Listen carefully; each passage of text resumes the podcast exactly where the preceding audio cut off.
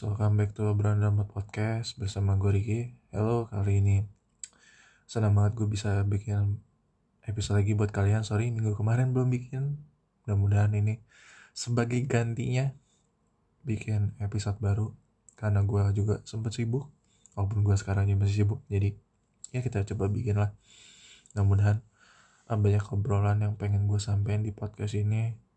Pokoknya jangan lupa uh, untuk terus ikutin update-nya terkait dengan apa ya episode-episode baru gue di podcast gue karena pada dasarnya niatan gue cuman pengen bagi ilmu bagi pengalaman gue sharing terus juga menyatukan drummer-drummer untuk bisa dengan podcast gue jadi bisa ada apa ya bisa tahu keberadaan gue juga.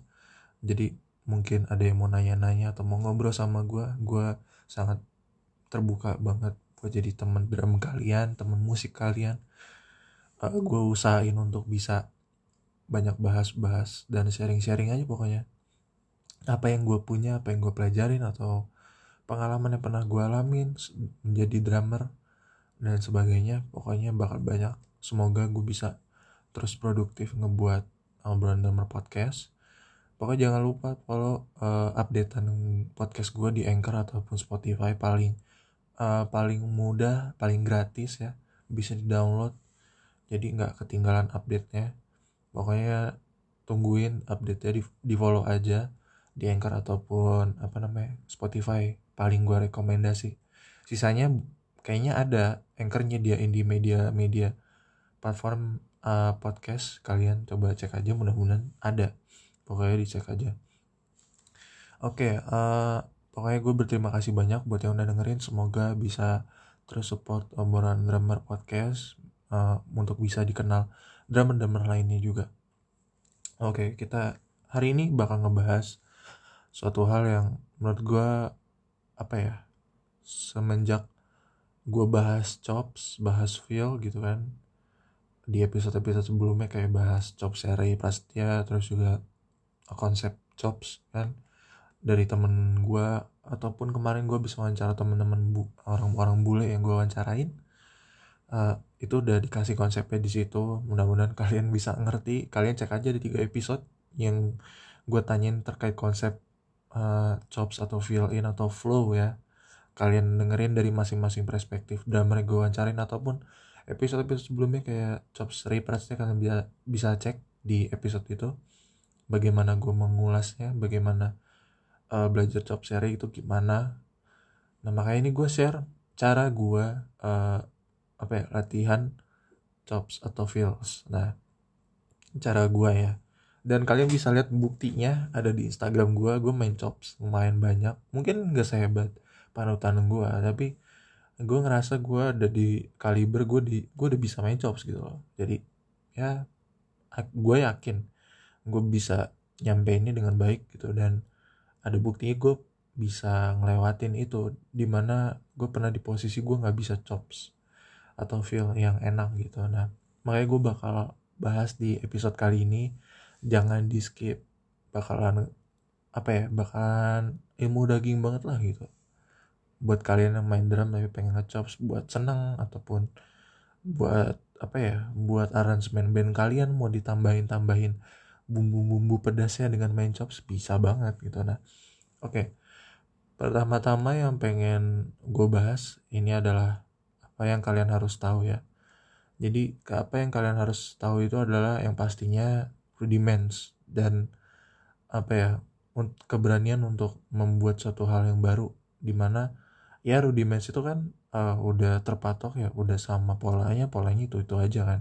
Nah dengan kreativitas yang kita punya dengan mengolah rudiment yang kita tahu itu bisa jadi sesuatu hal yang asik banget gitu menurut gue nah gue udah lumayan lama uh, apa ya kayak udah lumayan lama di mana gue tuh dapat chops chops baru dengan konsep gue ini gitu loh. Dengan gue harus tahu rudiment gue dan kreativitas yang ya apa ya keberanian untuk berkreativitas untuk bisa ngubah-ngubah rudiment-rudiment itu jadi pola-pola baru atau pattern baru gitu kan. Nah itulah yang kalian harus tahu pertama oke? Okay? tapi untuk untuk diubah pola-pola atau rudiment itu itu nanti urusan belakang. Yang penting kalian harus tahu rudimen kalian dan dilatih dengan cara yang baik dengan cara yang benar. Karena menurut gue itu bakal mempengaruhi banget sih buat bikin chops nah selanjutnya yaitu yang kedua itu adalah uh, not, uh, macam-macam not. Nah macam-macam not ini kenapa harus kalian tahu kenapa? Karena ini yang nanti akan membentuk kalimat-kalimat rhythm yang asik-asik misalkan kayak di grooves pun ada kan ada notesnya. Di fill in dan chops pun iya gitu. Jadi kalian harus tahu bentuk-bentuk notesnya itu groupingnya kayak apa. Nah yang kalian harus perlu tahu itu ada uh, note seperempat note seperlapan note seperlapan triplet note seperenam belas triplet sama seperenam belas terus sepertiga dua. Nah dari note yang gue sebutin tadi kalian tuh harus tahu cara ngitungnya bagaimana. Note seperempat itu adalah note yang paling dasar uh, itu adalah not untuk pegangan tempo biasanya kayak one two three four kayak gini. Two three four. Kurang lebih hitungannya tuh tek tek tek gitu. Jadi uh, kayak kayak apa ya kayak nadi nadi bergerak kurang lebih kayak gitu gitu loh. Tapi kan kalau kalau not seperempat kan harus konsisten. Temponya segitu ya temponya segitu gitu. Makanya not seperempat tuh kayak tek tergantung temponya tapi tetap tak tak taknya itu tetap segitu aja. Cuman tuh wah nggak empat gitu. Not seperempat kurang lebih kayak gitu hitungannya. Terus not seperdelapan itu hitungannya one and gitu kan. Ada n nya one and two and three and four and misalkan gue praktekin ya cara secara hitungannya.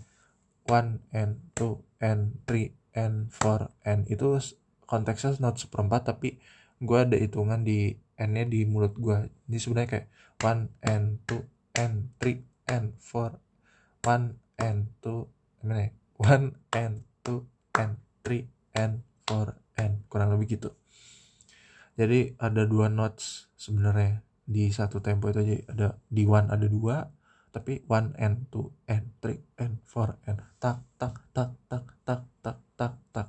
Nah hitungan one and two and three and four and one and two and three and four and kurang lebih kayak gitu. Itu not seperdelapan terus not seperdelapan triplet. Kalau ada kata triplet berarti tiga kan? Nah kalau not seperdelapan triplet tuh one triplet two triplet three triplet four triplet. Pokoknya yang gue tepuk tangan ini tergantung tempo ya. Itu harus sesuaikan. Jadi hitungannya kayak gini kurang lebih. One triplet two triplet three triplet four triplet one triplet two triplet three triplet four triplet. Kurang lebih kayak gitu. Nah terus lanjut lagi ke not seper 16 triplet. Kalau not seper 16 triplet biasanya hitungannya 6 dikenalnya 6 karena itu apa ya bentukannya udah seper 16 digabungin jadi 6 jadi satu bar tuh 6 tapi bisa juga kayak uh, apa ya satu barnya itu isinya tiga. Tapi hitungannya beda. One triplet two triplet three triplet four triplet jadi agak double dikit gitu. Kayak gini one triplet two triplet three triplet four triplet two waga empat enam tuh waga empat enam tuh waga empat enam tuh kurang lebih gitu sih. Sebenarnya kalau dibagi apa ya kalau dibagi tiganya itu uh, isiannya enam gitu. Jadi 16 triplet tuh lebih ke 6 ya. Walaupun tetap isian pondasi itu tiga sebenarnya. Jadi ada ada bar yang digabungin jadi 6 gitu. Jadi satu bar ada 6 yang tadinya terpisah secara tiga tapi uh, jadi lebih cepat karena double time karena 16 kan. Jadi bentukannya lebih cepat daripada seperlapan triplet. Jadi kayak tuh agak 4 manam tuh agak 4 manam tuh agak 4 manam tuh agak 4 manam deng gitu. Jadi ada 4 4 bar ya. Tadinya kalau misalkan digabung not seperlapan digabung jadi seper, not 16 triplet not seperlapan triplet digabung yang tadinya sebarnya tiga terus yang bar keduanya tiga digabungin jadi enam. Jadi satunya satu bar itu enam gitu. Ada empat empat bar tapi isiannya enam. Nah itu seper 16 triplet gue biasanya kalau ngitung seper 16 triplet tuh ngitungnya enam karena memang isiannya enam gitu. Sextuplet lah dikenalnya kurang lebih gitu. Nah terus Lanjutnya ada Notes 16. Ini paling gampang menurut gua. Dan uh, bisa nanti diterapin ke not selanjutnya itu not sepertiga dua. Tapi kita dengerin dulu cara ngitungnya gimana. Misalnya gini. One e and the two e and the three e and the four e and the. Nah yang gua ketuk itu kan not seperempat berarti satu barnya ada e and the berarti kan ada empat satu barnya empat not. Udah termasuk one berarti. Atau two atau three atau four gitu. Kayak misalnya nih. One e and the two e and the three e and the four e and the nah berarti satu barnya ada empat kan? Bisa ketahuan di situ. Kalian udah tahu kan? Nah. Nah ini yang double time-nya yaitu not sepertiga dua berarti satu barnya ada 8 karena digabung tadinya not seper-16 itu satu barnya 4 kalau misalkan not sepertiga dua kalau digabung jadi satu bar isinya 8 not jadi makanya disebutnya 32 8 kayak 4 32 nah satu barnya 8 karena ada 4 bar jadi ke 32 notes oke? Okay? misalkan kalau ngitungnya ini biasa gue 1 sampai 8 ngitungnya satu bar. Tuh agak 4 6 7 8 tuh agak 4 6 7 8 one e and the two e and biasa gue ngitungnya juga 16 cuman lebih double ya one e and the two e and the three e and the four e and ta deket deket ta deket deket ta deket deket ta deket deket ta deket kurang lebih gitulah. Tapi kalau mau lebih akurat lagi hitungannya harus bisa ngitung 1 sampai 8 sih.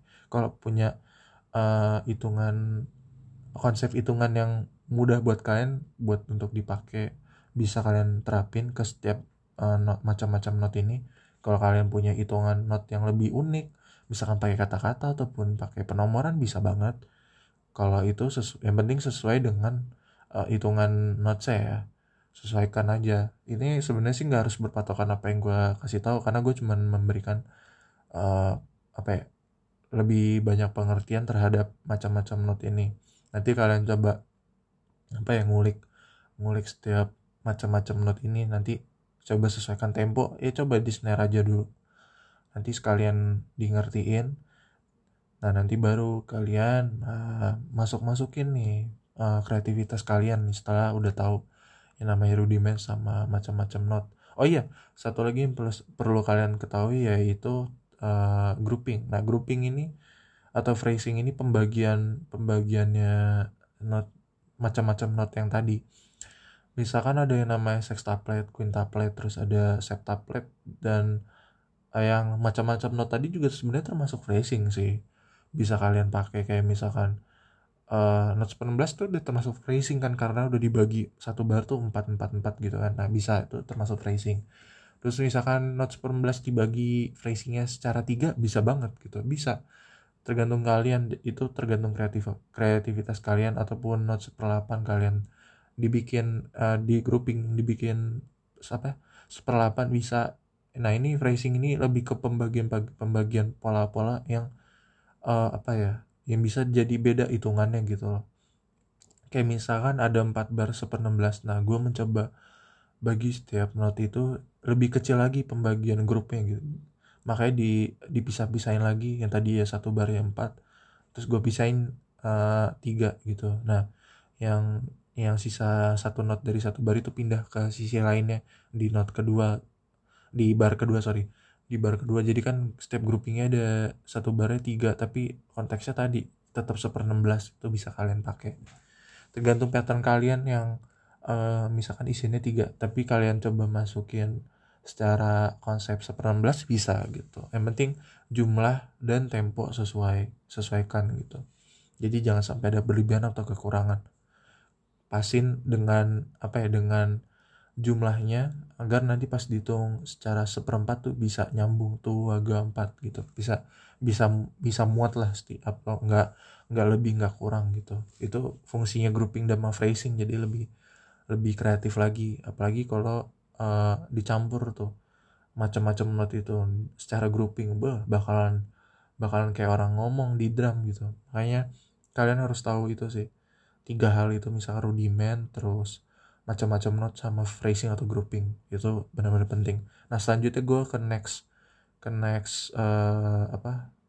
Ke next phase atau uh, cara kedua bukan cara kedua sih uh, step kedua. Yang tadi kan step pertama itu harus tahu harus serba tahu tiga hal itu karena yang step kedua ini gue lebih ke konsep di mana gue nerapin drum di drumnya kayak gimana jadi pertama-tama gue harus uh, ngulik dulu rudimennya atau pola yang gue pikirkan. Gue coba edit-edit gue campur-campur dengan ini tadi elemen-elemen yang gue harus tahu tadi. Misalkan ada harus tahu rudiment harus tahu uh, apa namanya macam-macam note terus gue harus tahu phrasing. Nah itu gue campur aduk jadi satu di situ. Jadi tapi pertama gue harus tahu rudimentnya rudiment terus gue acak-acak gue tulis biasanya. Gue tulis di kertas atau apa.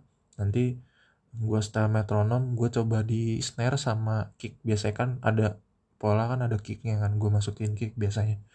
Nah jadi di situ gue pakai tempo pakai metronom gue dari tempo pelan.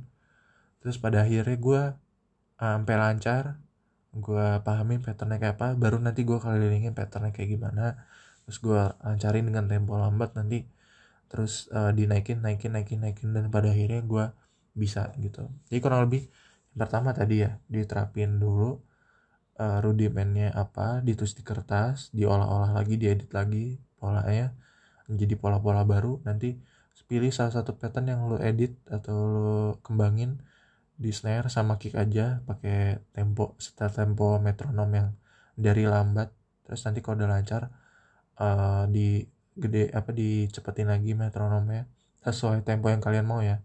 Buat gue jangan nggak perlu cepet-cepet banget sesuai goals kalian mau cepet atau mau uh, tempo yang mau seberapa ya itu terserah kalian.